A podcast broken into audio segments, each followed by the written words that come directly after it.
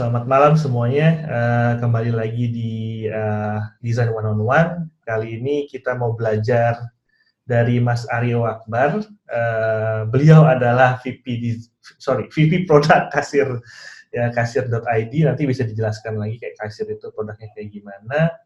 Ya. Um, jadi kenapa kita ngobrol sama Mas Aryo malam ini? Uh, sebenarnya saya sendiri udah kenal lumayan lama, mungkin udah lima tahun lebih dengan Mas. Aryau. Hmm.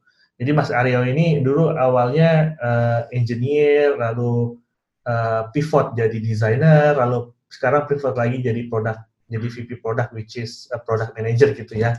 Yep. Ya. Um, jadi menarik sih, jadi pengen tahu sebagai penggiat, eh sorry bukan ya, mungkin kayak buruh teknologi sih.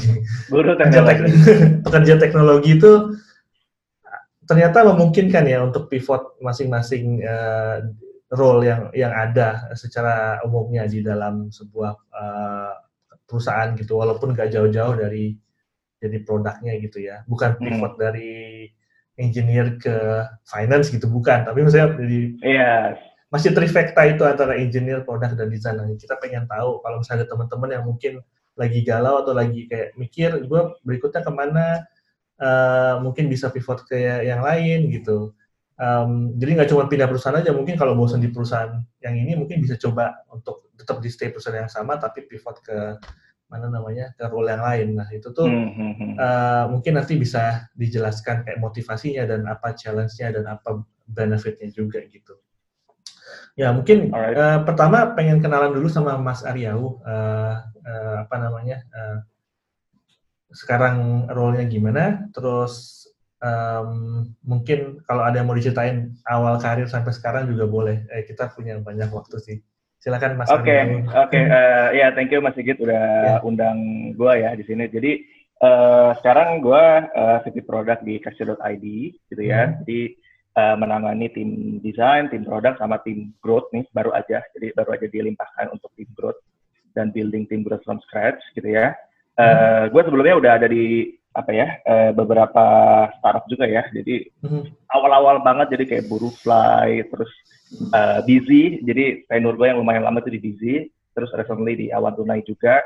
Terus sekarang uh, udah masuk lagi ke ke kasir gitu ya, another startup. Hmm. Jadi emang gue lebih suka di startup, especially yang B2B dan uh, early stage gitu ya. Hmm. Dan uh, kasir ini, jadi kasir ini unik. Gue selalu bilang kasih ini Air, Air Asia-nya untuk POS, gitu ya. Karena kita hmm. uh, provide uh, low cost uh, POS for micro and small merchants, hmm. gitu ya. Jadi kalau orang mikir uh, mungkin Moka dari sisi pricing rate segala macam itu di Garuda atau di I don't know ya Lion ya, masih masih hmm. juga suka apa uh, dunia penerbangan gitu ya. Jadi kita itu dari ranah Air Asia-nya, Citylink-nya, hmm. gitu ya. Atau kalau di US mungkin di uh, Southwest gitu ya. Southwest, ya. ya.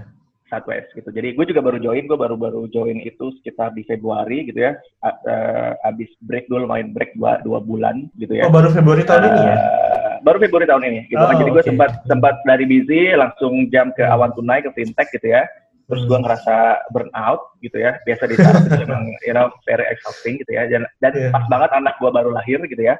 Anak gue lahiran gitu. Terus abis itu jadi gue decide to take uh, some break gitu ya, dua bulan gitu terus langsung di apa di kaplok lagi sama temen gue uh, Mike untuk uh, apa bantuin kasir kayak gitu hmm. sih kalau dari sisi gue.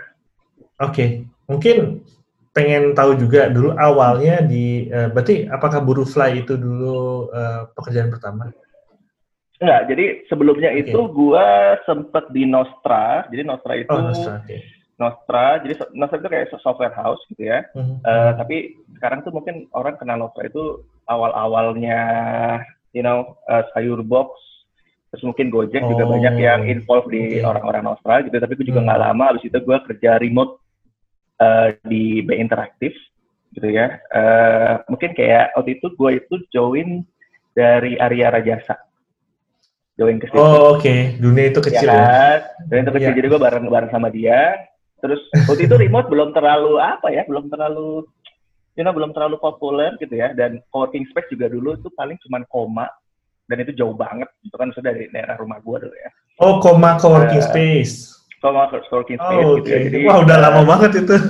udah lama banget gitu kan. Jadi uh, setelah gue hampir dua tahun kerja remote, gue bosen banget gitu karena hmm. dulu juga Starbucks nggak begitu banyak gitu kan. Hmm. Starbucks jadi no kerja di rumah itu benar-benar uh, dan gue juga belum tahu tekniknya sih gitu kan untuk gimana cara hmm. nge-recharge your apa ya energi your your atmosphere gitu ya. Uh, akhirnya gue pernah akhirnya gue langsung join ke Fly Oke. Okay. Gitu ya. Belum belum into coffee juga ya? Belum into coffee, benar belum into coffee exactly, gitu kan. So, okay. Dan di dan di kasir ini sekarang kita uh, semua produk uh, desain, teknologi juga engineering segala macam udah udah fully remote sih. Oke. Okay. Jadi di accelerate karena covid akhirnya ya udah deh hmm. kita remote kan saja semua. Gitu. Oke, okay. karena topik malam ini adalah pivot karir sebenarnya yang utama. Hmm. Uh, mungkin pengen tahu, uh, jadi awal karir memang dulu engineering ya? Yes, jadi gue emang kuliahnya itu teknik hmm. informatika gitu di BINUS, ya kan. Dan dulu itu sebenarnya gue juga biasa lah, maksudnya masuk kampus itu masuk jurusan karena dipilihin orang tua dan lain-lain gitu ya. Hmm. Jadi gue belum belum benar-benar nemuin apa ya passion di engineering itu uh, ngapain sih gitu di engineering gitu ya. Hmm. Sampai akhirnya waktu itu gue ngeliat videonya dan untungnya gue agak suka baca, jadi gue tetap apa ya uh, curious hmm. gitu untuk engineering itu kayak gimana, software engineering especially gitu ya. Dan hmm. waktu itu gue nemu lihat videonya CTO-nya Facebook, namanya hmm. Mike Mike siapa, gue lupa nama last name-nya gitu ya.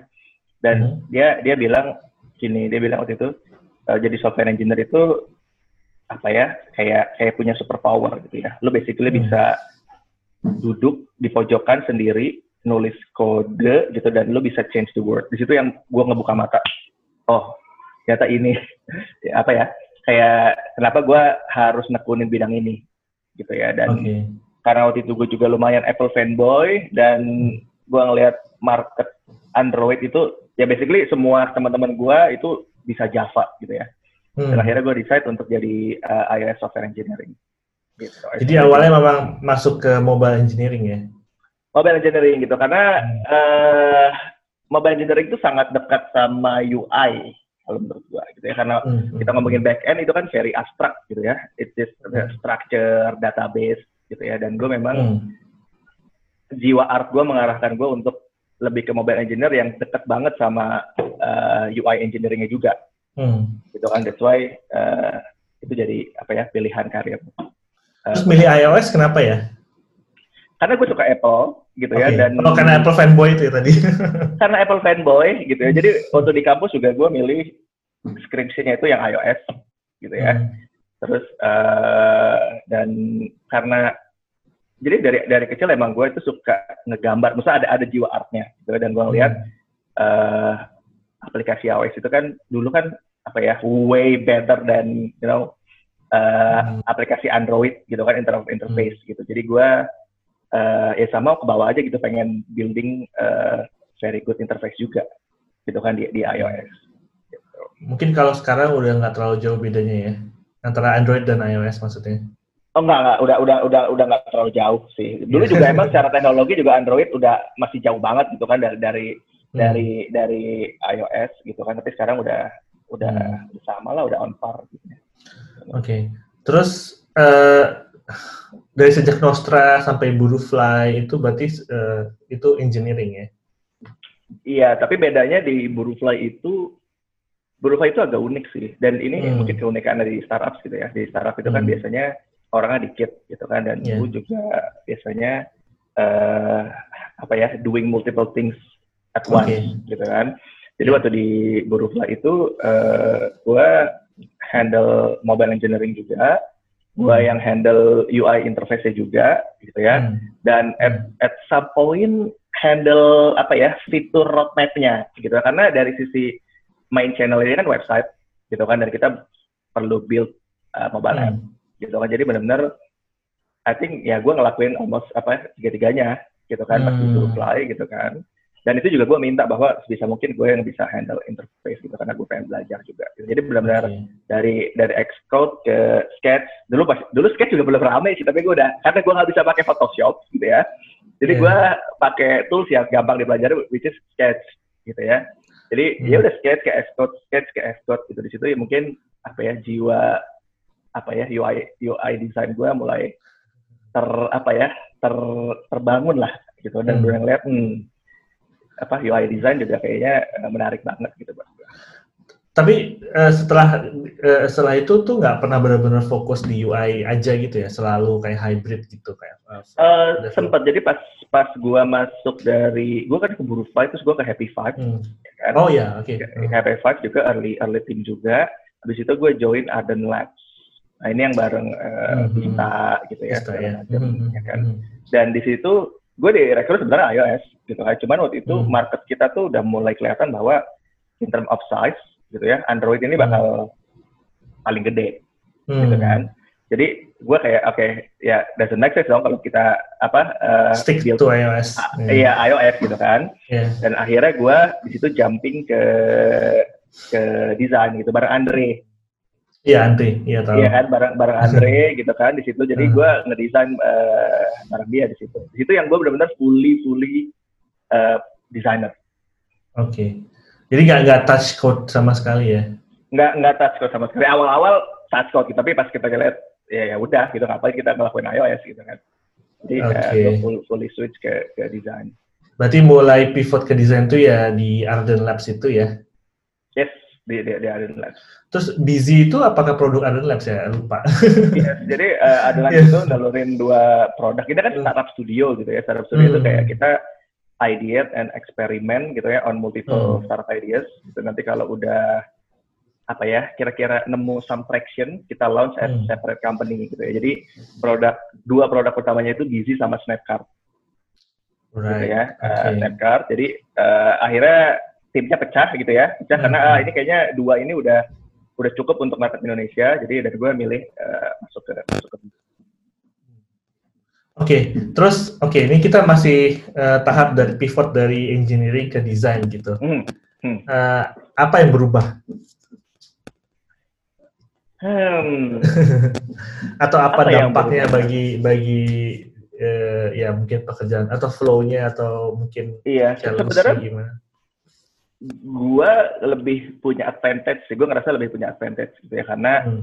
uh, karena background gue juga software engineering gitu ya hmm. hmm. gue jadi bisa ideate faster gitu ya mana hmm. yang possible mana yang impossible gitu ya uh, di situ itu truly truly itu true banget kalau menurut gue orang bilang kadang kalau oh kalau lo punya lo misalnya desainer yang tahu code gitu ya hmm. Hmm. Uh, lo bisa benar-benar ngebayangin what possible what apa nggak possible itu benar hmm. gitu ya itu benar gitu dan secara uh, apa ya secara communication ke engineering juga biasanya lebih lancar okay. ya cuma secara gua, gua personally mungkin emang karena gua mungkin udah lumayan bosen jadi engineer juga ya hmm. jadi gua somehow nemu apa ya gue lebih gue lebih merasa happy di karir gue saat gue di designer uh, daripada uh, pas lagi jadi engineer. Hmm gitu. Jadi gue lebih punya apa ya lebih bebas gitu untuk influence product direction hmm. gitu. Dan itu yang akhirnya gue later uh, realize gitu ya kenapa jenjang gue kok dari engineering ke designer ke ke hmm. apa, product management gitu ya. Karena awal-awal gue mikir cuman oke okay, gimana caranya buat produk ya, which is hmm. engineering gitu ya. Terus hmm. gue mikir, oke, okay, gue udah bisa buat produk, gimana caranya bikin produk ini uh, gampang dipakai orang. Akhirnya gue curious kan, oh belajar uh, UI design, UX design gitu ya. Tapi itu itu dua nggak nggak cukup untuk bikin produk sukses. Hmm. Nah, produk sukses, gue belajar, oke, okay, gimana caranya bikin produk ini? Gue udah bisa, misalnya udah bisa bikin, udah bisa ngedesain supaya orang bisa pakai dengan mudah gitu ya. Terus hmm. gimana cara bikin produk ini sukses gitu ya? Hmm. Nah di situ turning pointnya gue, oke, okay, gue mau belajar jadi product manager. Hmm. Kayak gitu. Itu waktu di busy ya? Itu waktu di Busy. Jadi uh, hmm. waktu di Busy gue lumayan apa ya sekitar dua tahunan pure di Busy juga awal-awal itu nggak ada product manager ya. Jadi hmm. designer sama product manager itu sebenarnya sama gitu karena kita juga yang nge-prioritize uh, features gitu ya dan kita yang ngedesain featuresnya juga gitu karena dulu juga belum banyak sih belum banyak uh, role product manager ya. Nah waktu itu tapi pas uh, Norman Pak Norman datang gitu ya, hmm. dia introduce this role gitu kan jadi ya ada only option ya yang bisa dijadikan product manager ya orang-orang yang emang udah uh, apa ya uh, hands on di produk ini which is produk produk tim tim produk design ya gitu kan Jadi uh, gue yeah. switch ke, ke product management. Tapi ketika di BZ itu juga ketika switching itu juga title-nya nggak nggak murni product manager ya? Hmm, awal-awal product manager gitu, gue tahu oh, okay. itu product manager baru uh, pindah role ke yang lebih senior itu ke grup product manager. Oh, oke. Okay. Jadi awalnya desainer, habis itu product manager, lalu grup product manager. Oke. Okay. Yes, yes, yes, yes. yes. Oke. Okay. Terus tadi kan uh, menarik sih soal influencing decision gitu ya. Kalau hmm. kenapa engineering nggak bisa? Padahal uh, kalau menurut gue sih kayak engineering itu they make things come true. Kayak tadi Mas Arya bilang, hmm, hmm, hmm, you can actually make things come true gitu dengan engineering gitu. Tapi kenapa gitu? Terus merasa desain dan atau produk mungkin lebih punya apa yeah, ya yes, uh, yes, andil yes, gitu punya andil karena uh. agak beda sih di sini dan ini something hmm. yang gue apa ya coba ubah di tim gue sekarang gitu kan karena hmm. biasanya engineering itu ada di garis terakhir kita pas yeah, kita yeah. ngomongin uh, apa uh, sebuah ide gitu uh. ya which is uh, yang gue believe sebenarnya tiga ini harus ada di garis paling depan untuk desain hmm. gitu ya uh, which is dulu kan ya emang kayak gitu dan gue ngerasa nggak punya influence gitu kan. Jadi the only way adalah untuk ke depan nih, ya kan, maksudnya pindah ke depan ke desainer. Desainer juga ini sebenarnya kalau kalau kita lihat di company sekarang itu banyak sebenarnya kan itu lini kedua, ya kan, setelah Betul, product yeah. manager, gitu kan.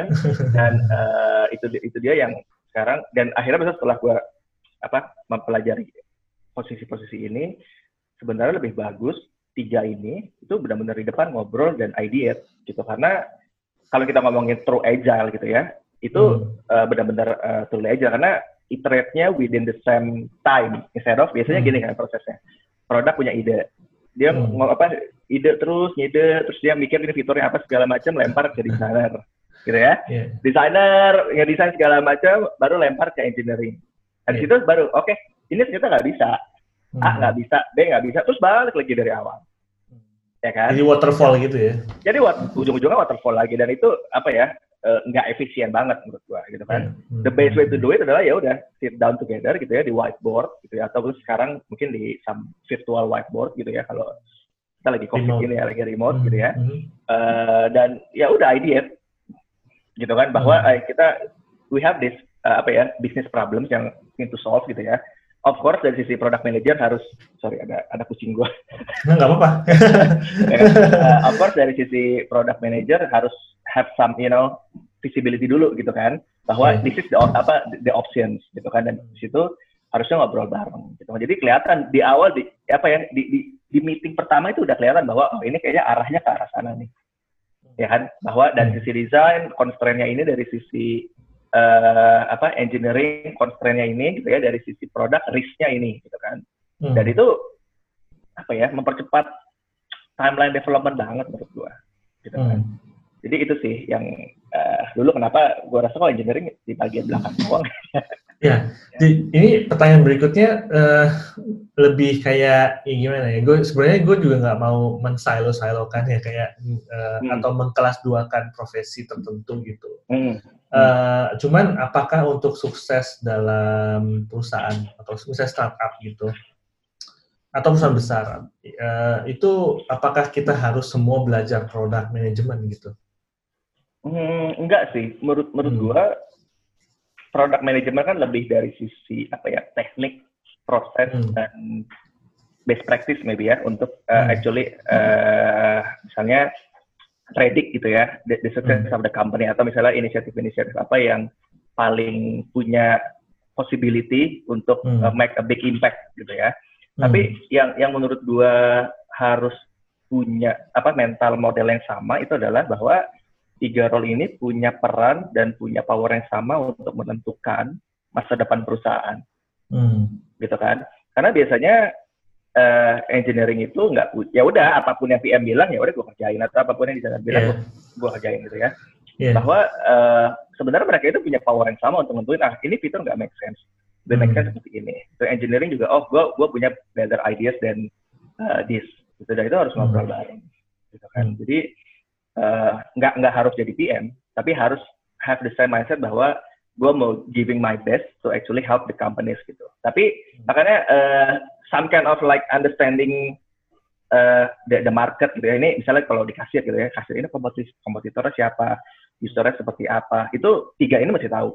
Untuk akhirnya bisa discuss apa conversation kayak tadi gitu ya. Of course kalau kita nggak punya point of view atau nggak punya apa ya prinsipal ini produk harus dibawa ke mana itu nggak bakal kejadian conversation kayak tadi itu nggak bakal kejadian jadi ya udah PM ngomong A ya udah A ya kan uh, apa si si desainer bilang uh, engineer bilang eh sorry desainer bilang PM bilang uh, kita harus fiturnya kayak gini gitu ya desainer harus kayak gini ya udah dikerjain gitu kan karena menurut gua peran masing-masing peran ini nggak punya nggak punya sorry nggak punya projection gitu. Gue membawa company ini ke mana? Akhirnya ya udah uh, yes boss aja gitu. Kalau nggak sorry bukan yes yes PM aja gitu. PM yes, bilang apa? PM bilang apa dan uh, dikerjain. Justru nah di situ biasanya kalau gue nilai sebuah inisiatif itu berhasil atau enggak, that kind of friction happening apa enggak? Gitu ya. Jadi gue nih kalau ada ada satu inisiatif dan inisiatif ini lancar-lancar banget, nggak ada yang objek gitu ya nggak ada yang uh, berusaha untuk mengeluarkan ide lain, ini something wrong kalau gue. Jadi gue pengen denger uh, tiga role ini itu ribut dalam tanda kutip uh, apa ya uh, fighting for the best ideas to help the the, the company. Hmm. Kayak okay. gitu. Itu yang harusnya terjadi ya, in my point of view. Hmm. Jadi masing-masing uh, dari bidang ini itu secara langsung mungkin harus punya product mindset gitu ya. Uh, exactly. Gak, gak, maksudnya walaupun mereka bukan fokus di product management, tapi mereka masing-masing punya product mindset. Yes. Gitu, berarti ya. Yes. yes. Um, Oke. Okay. Soalnya gue sambil bener casan gue. Gak apa-apa. ya, ini menarik banget sih. Cuma, uh, kayaknya kalau saya Mas Aryo lihat di perusahaan startup Indonesia atau mungkin yang udah mungkin medium itu, uh, apakah mereka udah punya ownership sedemikian besar untuk masing-masing ini oke okay. uh, atau culture-nya masih kayak yes PM aja gitu hmm, unfortunately masih hmm. Unfortunately hmm. masih yes PM atau bahkan yes, PM-nya masih yes head of PM atau yes uh, PM CEO. gitu ya atau CEO gitu ya uh, cuman menurut gue pertama dari sisi culture ya. Culture kita kan hmm. emang menghindari fighting gitu ya, menghindari hmm. uh, heated debate gitu ya di, hmm. di sebuah itu. Jadi kalau ada apa ya udah gitu kan. Hmm. Dan kedua apa ya? understanding the companies itself gitu ya, regardless role-nya apa, itu juga take some time gitu ya bahwa hmm. misalnya kalau misalnya di Shopify gitu ya, oh Shopify ini apa sih gitu, uh, marketnya seperti apa gitu ya, challenge-nya apa segala macam gitu kan uh, mungkin for some roles gitu mungkin kayak desainer desainer ya ngapain gue mikirin itu gue cuma mau ngedesain aja hmm. gitu kan engineering juga mungkin ngapain gue mau bikin itu gue cuma mau nge, nge apa nge coding aja gitu ya PM at some point nggak nggak nggak boleh mikir gitu karena itu one of the apa ya main responsibility-nya PM gitu. Jadi makanya hmm. PM kadang terpaksa gitu ya, memang harus berpikir seperti itu, hmm. ya kan.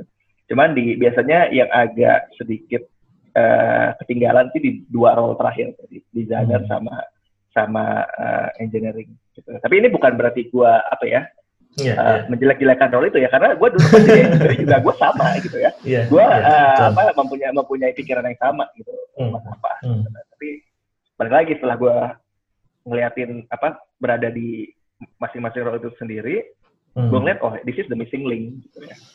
Iya, karena kalau lihat uh, rata-rata frustrasi desainer atau engineer, uh, terus kemudian dia resign gitu ya, mungkin karena dia nggak punya uh, andil atau punya suara gitu. Biasanya kayak gitu hmm. sih. Uh, yes. Pengalaman, ya nggak tahu pengalaman masa pengalaman gue sendiri. Kenapa lo resign ya? Karena gue kayaknya nggak nggak punya suara atau saya gue nggak bisa own lagi gitu. Apakah hmm. ini bisa dipecahkan dengan mungkin ada membentuk culture yang lebih uh, apa ya uh, terbuka kali ya iya terbuka atau own uh, make everybody own equally atau mungkin eh, at least mereka punya understanding produk lah gitu yes yes yes yes hmm. I, I think ini ini dua sih uh, apa ya dua hal gitu ya pertama hmm. dari sisi manager ya Hmm. Kayak gini-gini kan biasanya, maksudnya gini, kalau kita ngomongin software engineering, ngomongin desain, biasanya kan ini uh, level staff lah. Biasanya di atasnya hmm. ada level uh, manager lah. Gitu ya, entah yeah. hmm. entah manajernya ini, ini manajernya yang harus nge, nge, tapi balik lagi ya, ini balik lagi culture dari sisi company-nya apa gitu ya. Hmm. Jadi gue gue ngomong dalam konteks memang dari sisi top level manajemennya, CEO-nya gitu ya, emang nge nge nge nge, nge force untuk punya uh, transparent and you know uh, honest feedback on anything gitu ya. Hmm. Dan ini tugas manajer untuk benar-benar nge-push uh, bawahan-bawahannya dan untuk make sure hal ini terjadi gitu ya. Okay. Itu satu dari sisi hmm. manajer. Hmm. Dari sisi kedua dari sisi uh, setiap orangnya sendiri nih. Jadi kalau yang ini mau level staff, manager, head, siapa pun itu. Biasanya kita lebih memilih menjadi victim atau memilih kita apa ber, ber, bersikap seperti victim instead of seperti apa ya bukan pahlawan ya atau ya mencoba memperjuangkan apa yang kita tahu gitu hmm. gitu ya kayak tadi misalnya kayak oke okay, ya bisa gue nggak nggak nggak nggak punya suara ya bisa gue cuman desainer doang gitu ya bisa gue cuman hmm. engineer doang gue uh, nggak punya suara segala macam itu menurut gue mentalitinya mentality bahwa ya udah gue cuman bisa gue bilang gue jadi korban dari hmm. apa pun yang terjadi gitu ya hmm. padahal di satu sisi ada pilihan lain bahwa lo bisa fight for your uh, voice hmm. gitu ya. Uh, of course di in in apa some proper way gitu ya, nggak nggak berontak hmm. juga gitu kan, hmm. uh, kayak gitu. Ya kan jadi uh, dan itu yang banyak banget yang menurut gue uh, mentalitinya masih masih ada gitu. Jadi kalau hmm. misalnya oke okay, ada some decision gitu company, oh kita ngarah ke A gitu ya. Hmm. Mereka mungkin nggak setuju. Some, some people nggak setuju atau misalnya nggak clear ini kenapa kita ke, mengarah ke arah sini gitu ya. Uh, instead of like asking or uh, hmm. or apa provide some uh, feedback hmm. feedback gitu on hmm. that gitu ya hmm. uh, memilih bahwa wah ini kayaknya arahnya nggak jelas nih gitu ya oh, ini ganti-ganti terus segala macam yeah. gitu ya jadi padahal mereka semua itu punya power untuk uh, apa ya contribute hmm. di apa pun uh, reason company misalnya pivot company berubah haluan company ngeduluin sebuah fitur hmm. ya atau lain-lain jadi sekecil apa pun gitu padahal everyone in the companies itu mau levelnya designer senior designer apa pun itu punya power untuk hmm. untuk at least ya mungkin kalau nggak influence at least uh, express another perspective hmm. gitu ya kayak hmm. gitu jadi ya setelah meng mengajukan itu ya ya bisa jadi ditolak idenya, yeah. but, but that's okay gitu. That, that's part yeah. of the process gitu kan. Hmm. That's part of the process. Bisa jadi juga diconsider gitu kan. Jadi dua hal makanya bawahan sama atasannya yang mesti mesti balance gitu. Manager harus uh, benar-benar uh, you know right. bikin that environment happen gitu ya. Mm-hmm. Bawahan harus op, very open minded untuk you know oh gue bukan victim di sini. Gue individual yang bisa contribute dan bisa punya prinsip gitu ya ini hmm. arahnya mau ke mana ini ini produk okay. Jadi kayak mungkin arahnya untuk bisa semua punya some kind of ownership terus mungkin punya product mindset itu emang harus bikin culture yang terbuka itu tadi ya yes culture yang terbuka yang eh, memang agak challenging di culture uh, kita sekarang sih maksudnya ya, di, mungkin, di Indonesia ya Indonesia ya yeah. kita, lo kan lagi di Singapura okay. ya ini ini menarik sih mungkin gue sharing sedikit uh, hmm. tapi emang kalau gue I don't want to generalize tapi it's true gitu. Kalau uh, hmm. culture uh, di Asian companies itu cenderung seperti itu. Kayak kita nggak bisa untuk apa ya speak up gitu. Tapi kalau misalnya lo kerja di perusahaan ya mungkin lo pernah ya dulu di di North Northstra atau di B Interactive ya itu. Lu ngerasain kan kayak lu tuh punya eh belum apa apa uh, lu baru masuk uh, what's your opinion gitu. Hmm, kayaknya hmm. Uh, setuju nggak kalau dibilang misalnya uh, ini juga ada pengaruh budaya juga gitu yes budaya dan gua mungkin agak tadi kayak Mas Sigit bilang gitu ya lumayan hmm. terlatih karena gua beberapa kali ya kerja sama misalnya bos gue ya bule hmm. gitu ya atau orang yang udah lama di US balik ke sini. Hmm. Gitu ya. Dan itu emang beda banget. Hmm.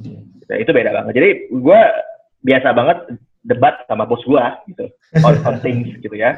Tapi ya ujung-ujungnya ya settle juga gitu ya. Jadi ini uh, it, itu yang mungkin ya benar budaya sih benar. budaya ya mungkin ini kayak menarik banget kalau ada mungkin nanti suatu saat ada edisi kedua pengen tahu cara berdebat dan berdiskusi dengan sehat gitu ya di uh, apa namanya uh, satu skill yang dibutuhkan banget um, tadi gue mau nanya apa ya um, Oke, okay, misalnya udah, uh, mungkin sebagai sebagai desainer ya, misalnya ini, hmm. uh, eh, gue anggapnya yang yang nonton ini atau yang dengerin ini itu mungkin adalah seorang desainer yang mungkin uh, masih mikir kayak, aduh gimana ya, gue pengen nih, pengen produk produk di company gue ini kayak gini gitu, karena menurut gue ini hmm. bagus. Hmm. Uh, atau misalnya dia mikir uh, what can I do to get a seat on the table atau what can I do to influence the product. Hmm. Kira-kira hmm. apa yang pertama kali harus dilakukan? Hmm. Kalau kalau gue selalu dua. Jadi hmm. ini back back lagi ke trust ya. Dan yeah. uh, gue lupa ini kata Peter Drucker atau siapa gitu. Ya. Tapi ini gue hmm.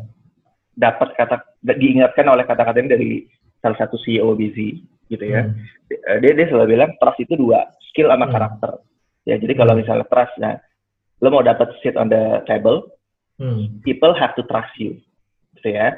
Hmm. Uh, dan gimana caranya kita dapat trust? Ya, lo tunjukin you have skills and you have character, hmm. gitu ya. Jadi karakter balik lagi nih, karakter ini being brave ya, to actually showing apa? Ya, lo punya balls lah untuk actually this is this is this is my opinion, ya kan? And uh, showing that you care to the company and everything gitu. Jadi jadi menurut gue uh, dua itu. Jadi kalau misalnya orang kayak gini misalnya orang punya skill doang tapi nggak punya karakter ya. Hmm. ya kan biasa dibilang apa sih genius jerk or something lah. Ya kan? Rockstar. Ya, pintar ya pintar banget tapi ngeselin banget nih kerja sama dia kayak yeah. banget gitu ya. Ada lagi yang mungkin uh, karakternya bagus tapi skillnya kurang. Ini mungkin orang-orang bisa bertahan sebentar. Tapi lama-lama kita kok ini kerjaan kok nggak ada yang selesai? Orangnya baik sih gitu ya. Orangnya kita main bareng sih tapi kok kayak hmm. gini gitu kan lo nggak dapet nggak bakal dapet fit on the table juga gitu ya jadi yeah. Iya. uh, dua itu sih jadi show apa show that you have skill show that you hmm. have uh, karakter gitu kan okay. menurut gua abis itu yakin sih uh, uh, semua orang uh, lo, lo lo apa ya suara lo akan terdengar gitu ya hmm. dan mungkin satu lagi de, eh, dan salah satu tempat yang bisa nunjukin dua itu adalah hmm. saat meeting Hmm. Ya, jadi whenever ada meeting yang involve mau engineering doang, desain doang, cross departemen, tunjukin dua itu. Ya maksudnya voicing gitu. Ada, ada misalnya orang Indonesia ada yang mau nanya apa enggak, semua diam. Gitu kan? ya kan? Atau misalnya ada yang enggak setuju atau enggak, semua diam gitu ya. Justru di hmm. situ itu high leverage activities gitu. Misalnya kalau company town hall gitu ya, ada hmm. uh, lo lo ditanya ada feedback atau enggak, ada pertanyaan atau enggak saat lo do that thing gitu ya lo hmm. show your skills and karakter itu kan yang ngelihat the whole company hmm. ya kan dan dan semakin sering lo ngelakuin itu ya tapi ini bukan bukan baju tampil ya benar-benar you know real ya yes yes bukan baju tampil ya benar-benar hmm. lo tunjukin you have your apa opinion gitu ya lama-lama kebangun lama-lama orang orang tahu bahwa oh kalau ada problem ini kayaknya kita harus manggil si A hmm. gitu ya karena secara alam bawah sadar ngelihat bahwa si A ini punya passion terhadap company, punya skill untuk hmm. apa memajukan uh, company gitu ya. Hmm. Sehingga orang tuh tertanam gitu kan uh, bahwa ya akhirnya lu dapat sit on the table gitu ya. Kayak gitu. Kalau kalau itu itu my point of view ya. Ya, ya itu bagus banget sih. Jadi mungkin kalau bisa disimpulkan ya, kayak pivot itu uh, kalau berdasarkan pengalaman Mas Aryo sendiri itu mungkin berdasarkan kayak keinginan untuk uh, apa namanya belajar dan lebih uh, mempengaruhi keputusan gitu ya. Tapi setelah kita berdiskusi ternyata uh, kalau kita hanya ingin mempengaruhi keputusan itu sebenarnya nggak perlu pivot juga ya. Jadi kayak nggak perlu pivot. Yang yang penting harus punya product mindset dan apa tadi itu namanya? Punya uh, bisa ya punya influence ya punya ya brave enough lah to actually hmm. showing your thoughts showing your apa ya okay. uh, opinion and everything right ya yeah. itu menarik banget sih ini Uh, Oke okay deh, mungkin kayak sebenarnya sih punya 10 menit lagi nih. Mungkin uh, uh gue punya satu pertanyaan yang mungkin nggak nggak berhubungan dengan ini, kayak lebih pertanyaan pribadi gitu. uh, uh, kan kita lihat ya mungkin yang belum tahu kalau Mas Aryo ini senang banget kopi gitu. Oke. Okay. uh, ya. Nah, pengen tahu aja apakah uh, uh, what kind of influence does coffee bring to your work gitu atau ada apakah work yang eventually influence you to really get serious in coffee? Oke okay, oke okay. wow. ini deep banget pertanyaan. oke okay. jadi sebenarnya kopi ini dari zaman gua justru mulai ke trigger saat gua masih jadi engineer ya.